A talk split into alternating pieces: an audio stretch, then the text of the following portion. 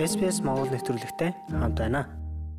За сайн байцгаана уу сонсогчдоо. SBS Mongolia та бүхэнд 2022-оос 23 оны Австралийн төсөвтэй холбоотой мэдээлэл хүргэж байсан. Австралид амжиргааны бүртэг нэмэгдэж байгаатай холбоотойгоор засгийн газраас баг болон дунд орлоготой иргэдэд тодорхой хэмжээний хөнгөлөлт тусламж үзүүлэх тухай мэдээллийг бид хүргэсэн. Тэгвэл энэ тухай тодруулахаар бид нөр өнөөдөр ярилцлага эхлэж байна. Манай зочин Жавхлан Камбера хотоос холбогдож байна. Сайн уу Жавха? Сайн байна уу? Сайн сонсож байна уу? За сайн байна.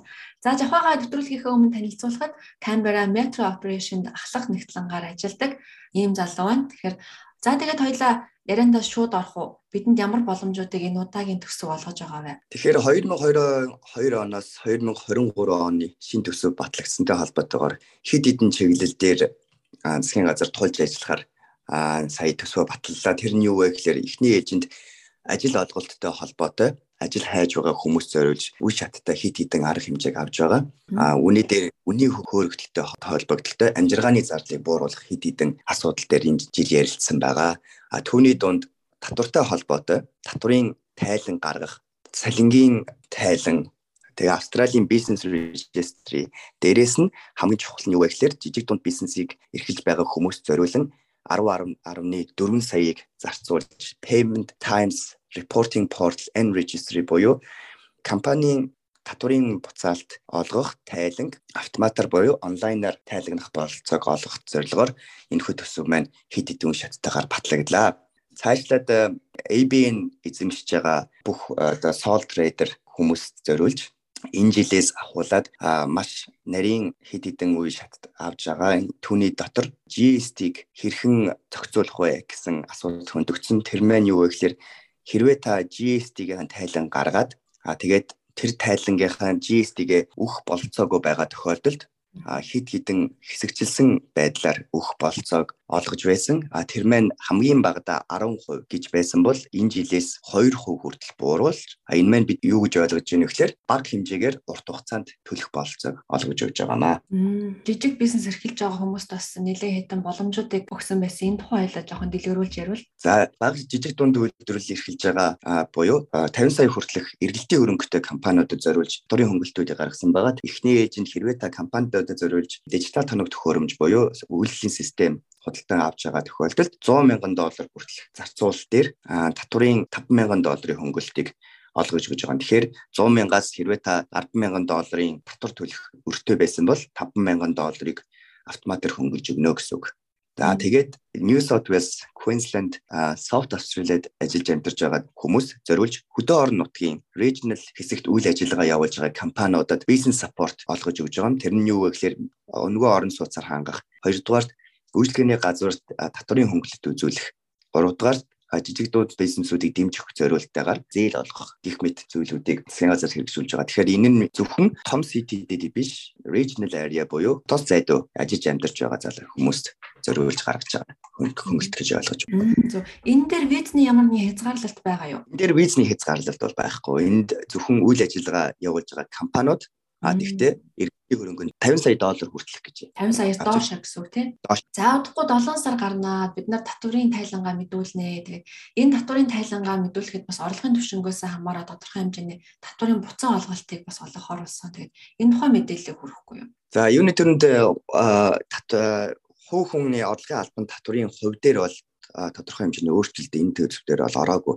А тэгвэл хувь хүн дээр үнийн өсөлттэй холбоотойгоор хид хідэн хөнгөлтүүдийг гаргаж өгсөн байгаа. Түүний хамгийн тод жишээ нь монголчуудад холбоотой асуудал нь юу вэ гэхээр хувь хүн татврын хөнгөлтөөс буцаа олголтоос хөнгөлөгдөж байгаа. Тэр буцаа олголт маань нэмэгдсэн байгаа. Тэр маань юу гэхээр жилдээ хэрвээ та 37 мянган доллар хүртэлх олж байгаа тохиолдолд 420 долларын татврын хөнгөлт эзэмшдэг байсан бол одоо та 675 долларын хөнгөлт эзэмших. А дээрэс нь хэрвээ та 90 мянган доллар хүртэлх буюу 90 мянгаас доош орлого олж байгаа тохиолдолд тэрний юу гэхээр 48 мянгаас 90 90 мянга гэж байгаа.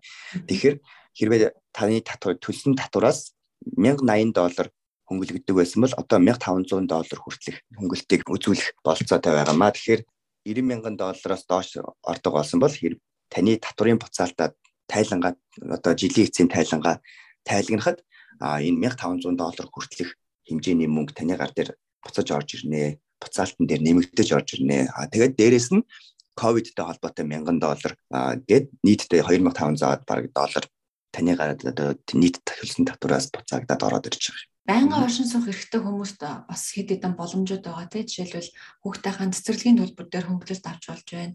За нэг удаагийн 250 долларын тусламжийг зарим нэгэн хүмүүст олгохоор болсон тийм. Тэгээд энэ тухай бас мэдээлэл өргөвөл. Австрали улсад байнгын оршин сууж байгаа хүмүүс зориулж хэд хэдэн хөнгөлтүүд гарч ирсэн байгаа энэ төсөвт. А тэр маань юу вэ гэхээр эхний ээлжинд үнийн өсөлттэй холбоотой тэтгэврийн насны хөгжлийн бэрхшээлтэй эсвэл ажил идэвхтэй хайж байгаа иргэдэд зориулж сард 250 мянган доллар 250 доллар тэтгэмж дээрээс нэмэгдээд цаашлаад 6 сарын турш indexing arrangement буюу индексээр шалтгаалаад 250 дээр нэмэгдээд нэмэгдсэн үнийн дүнгээр таны тэтгэмж дээр нэмэгдэж орж ирнэ гэсэн үг.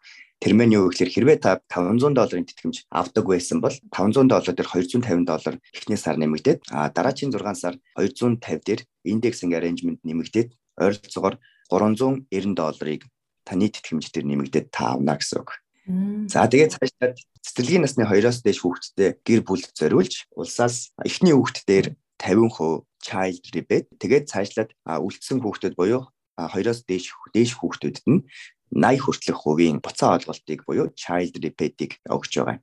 А энэхүү буцаа олголтыг та яаж авах вэ гэхээр цэцэрлэгийнхаа төлбөрийг төлчөөд нийт төлсөн мөнгөө засгийн газар руу буцаагаад татварын буцаалт олгодог шиг буцааж аппликейшн өгдөг байгаа. А тэгснээр засгийн газар энэхүү урамшууллыг 3 сарын 29-ноос ахуулаад олгож өгч байгаа шүү. Энийг авахын тулд би цэцэрлэгтэйгээ холбогдох хэрэгтэй эсвэл шууд одоо өөр засгийн газрын байгууллагаар холбогдох уу? Centerlink-ээр холбогдоод шууд. За энэ маш хэрэгтэй мэдээлэл байлаа.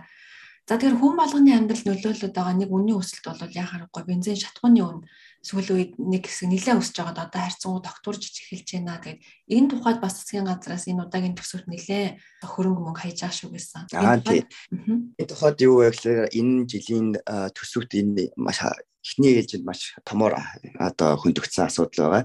Тэгэхээр газар яаж шийдвэрлсэн бэ гэхээр бензиний үнийн бодлоготой холбоотой 1 литр бензиний татварыг 4.2-оос 2 центээс 22.1 цент хүртэлхий 6 сарын хугацаанд temporary reduction буюу төр зүрийн үнийн бууралт хийж өгж байгаа. Ингэснээр 50% хөнгөлөлтөн гэсэн үг. Бүх нийт бензиний зардал болон бидний амжиргааны өдөр тутам хэрэгэлдэг хэрэглээний барааны үн ч гэсэн буурч өгнө гэж ойлгож байна. А энэ үүний дараагаар хэрвээ энэ 6 сарын хугацаанд ингэж буулгаж үнийг барьснаар цаашлаад хэд хэдэн дараалсан арга хэмжээнүүдийг авна гэж ярилцж энэ төсөвт баталгаар орж өгсөн байлээ. За өөр хоёул яриаг үйлдсэн юм байна уу? За тэгээд ерөнхийдөө энэ бид биднэрт хэрэгтэй асуудлууд нь энэ төсөвт а иймэрхүү иймэрхүү байдлаар орж өгж байгаа. Тэгээд цаашлаад яг уу янз бүрийн төрлийн хөнгөлтүүд болон одоо агрикалчур салбар салбар дээр өөр өөр төрлийн хөнгөлтүүд байгаа. А тэгэхээр хэрвээ энэ хүү дэлгэрэнгүй мэдээллийг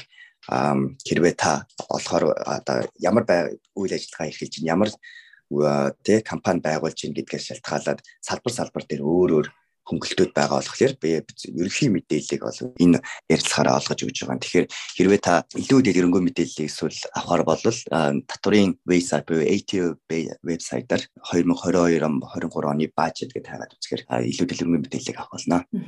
За тэгэхээр дэлгэрэнгүй мэдээлэл авах бусад холбогдох захиам хаягуудыг бид нэвтрүүлэхэд тайлбар хэсэгт оруулж өгье. Та тэндээс яг өөрийнхөө ажилтдаг салбараас харгалзан мэдээллийг аваарай. За тэгээ цаг зав гаргаж ярилцсан жохоодоо маш их баярлалаа. За баярлалаа. За баярлалаа баяртай. За баяртай. Үүнтэй адилхан бусад нэвтрүүлгийг сонсомоор байна уу? Apple Podcast, Google Podcast, Spotify эсвэл та өөрийнхөө сонсдог апп ашиглан манай нэвтрүүлэгтэй хавд байгаарай.